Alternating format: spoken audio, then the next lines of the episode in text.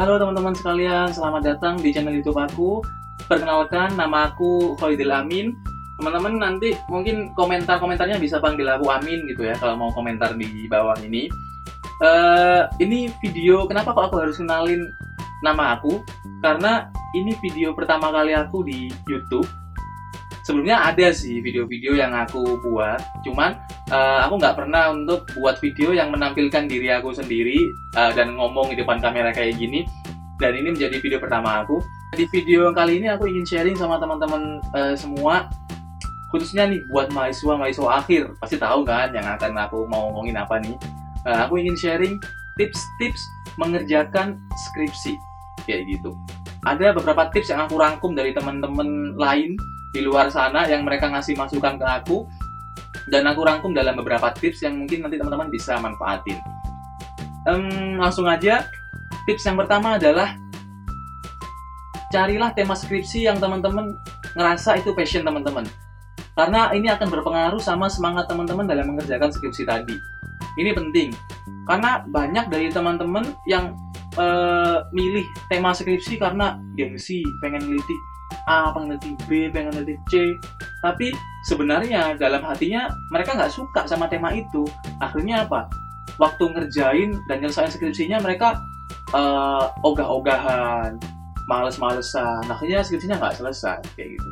Atau jangan milih skripsi karena hanya ikut-ikutan tren uh, temen yang ada nih. Oh temen tuh meneliti tentang uh, C nih, tentang D nih, tentang uh, Z nih. Aku kayaknya tertarik deh untuk meneliti itu. Padahal secara kemampuan dia sebenarnya eh, nggak uh, bisa untuk meneliti itu kayak gitu ya. Uh, setiap kemampuan orang kan beda-beda dan kita kita sendiri kita diri sendirilah yang bisa mengetahui kemampuan uh, diri kita sampai mana kayak gitu. Itu penting. Terus kemudian tips yang kedua adalah menulis lah. Hakikat skripsi adalah menulis. Skripsi itu karya tulisan bukan karya yang hanya di awang-awang dan kita ceritakan kayak gitu. Jadi penting untuk kita menulis uh, menulis skripsi kita kayak gitu. Uh, kalau dari aku sih satu hari satu halaman itu udah lebih dari cukup ya gitu.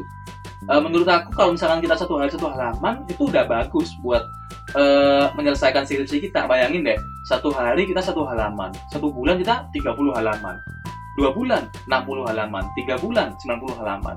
Nah pasti selesai dong kalau misalkan kita uh, setiap hari rutin ngerjakan satu hari satu halaman kayak gitu kalau aku sendiri sih biasanya satu hari ya dua halaman di pagi hari, dua halaman di uh, sore hari atau malam hari. Jadi sehari bisa empat halaman itu uh, minimal kayak gitu. Atau kalau misalkan teman-teman nggak mampu satu halaman ya bisa sih satu hari satu paragraf karena mungkin emang lagi buntu-buntu banget. Tapi pokoknya satu hari itu ada momen yang kita nulis skripsi. Karena ini penting buat kita jaga semangat kita nulis skripsi. Kalau misalkan kita habis ngerjain dua halaman terus kita tinggal lagi semingguan kita main ke mana-mana nggak jelas gitu ya. Ya akan ngaruh pada semangat skripsi kita. Akhirnya males ngerjain males males males males males. Eh nggak selesai kayak gitu. Nah problem juga dong kayak gitu. Sungkan sama orang tua dong kayak gitu. Nah jadi istiqomahlah menulis gitu. Uh, terus tips ketiga adalah konsultasilah kepada dosen pembimbingmu. Ini penting. Karena dosen pembimbing bisa memberikan pencerahan kepada kita kalau misalnya kita lagi bingung mau nulis apa nih. Atau lagi bingung ha uh, harus pakai referensi apa nih. Atau lagi bingung harus nulis apa nih deskripsi. Kayak gitu. Uh, dosen pembimbing akan bisa ngasih solusi untuk teman-teman. Kayak gitu. Jadi rajin-rajin konsul ya. Terus tips yang keempat adalah jangan nunggu selesai baru konsultasi ke dosen pembimbing. Ini sebenarnya sama sih sama tips ketiga. Cuman uh, di sini aku lebih nekanin pada biasanya teman-teman itu kalau konsul ke dosen nunggu selesai. Padahal nggak harus kayak gitu. Kita bisa konsul kapan pun ke dosen pembimbing kita. Kalau misalnya kita lagi bingung, jangan nunggu nanti selesai bab satu baru konsul, nunggu selesai bab dua baru konsul, nunggu selesai bab tiga baru konsul. Jangan teman-teman nanti kalau misalnya teman-teman bingung terus teman-teman nggak bisa ngerjain bab satu misalkan nih uh, kasusnya gitu ya. Teman-teman uh, buntu nih mau ngerjain apa di bab satu. Dan teman-teman nunggu sampai selesai bab satu ya. Nggak akan selesai-selesai kayak gitu. Teman-teman lagi bingung teman-teman nggak mau konsul sama dosen.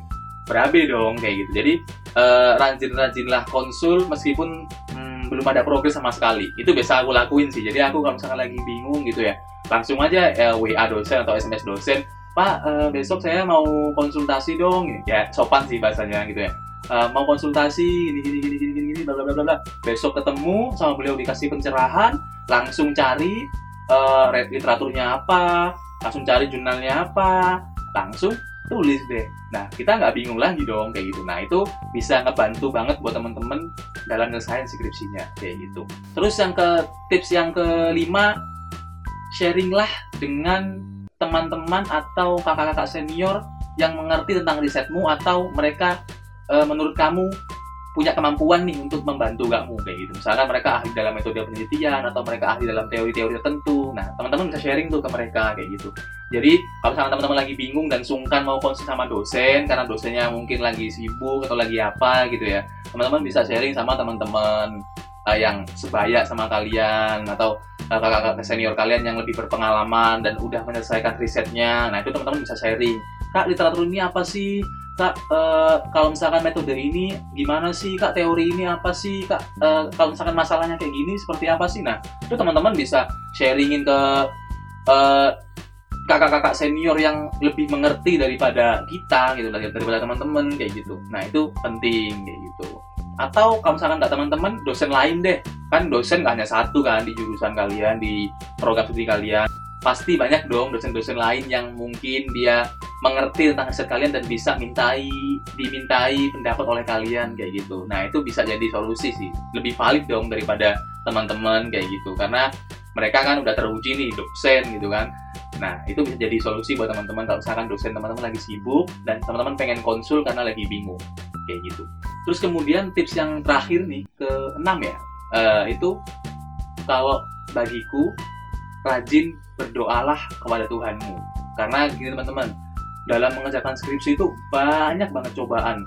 Uh, entah itu nanti literaturnya yang sulit, entah nanti itu kita yang bingung, entah nanti misalnya laptopnya bermasalah atau bahkan naudzubillah nih ya sampai sampai data skripsi hilang. Nah, itu kan masalah-masalah yang mungkin bisa kita alami dalam mengerjakan skripsi kita. Dan itu uh, bukan masalah yang mudah kayak gitu. Jadi kita nggak bisa hanya ngandelin kekuatan kita tapi kita perlu kekuatan yang lebih daripada kita itu kekuatan Tuhan gitu ya. Makanya kita harus berdoa sama Tuhan nih biar semuanya dilancarkan. Kita gampang ketemu dosen kita gampang nyari literatur kita nggak malas-malesan laptop kita aman flash kita aman skripsi selesai dengan bagus kayak gitu. Nah itu penting teman-teman. Tips terakhir nih klise. Tapi harus teman-teman perhatikan nih dan terapin kalau bisa. Agama apa pun itu pasti mengharuskan kita untuk berdoa kan kayak gitu. Oke itu tadi tips-tips skripsi dari aku uh, yang aku rangkum dari teman-teman uh, yang juga mengalami skripsi sama kayak aku gitu ya. Uh, semoga bermanfaat buat teman-teman buat adik-adik yang mau skripsi ya aku ngasih tips ini meskipun skripsi aku belum selesai juga sih sebenarnya. Tapi ini sekedar sharing-sharing buat teman-teman karena aku juga ngalamin masalah-masalah ini kayak gitu. Jadi semoga tips yang berdasar pengalaman ini bermanfaat buat teman-teman. Dan see you uh, di video selanjutnya. Jangan lupa subscribe dan like. Dadah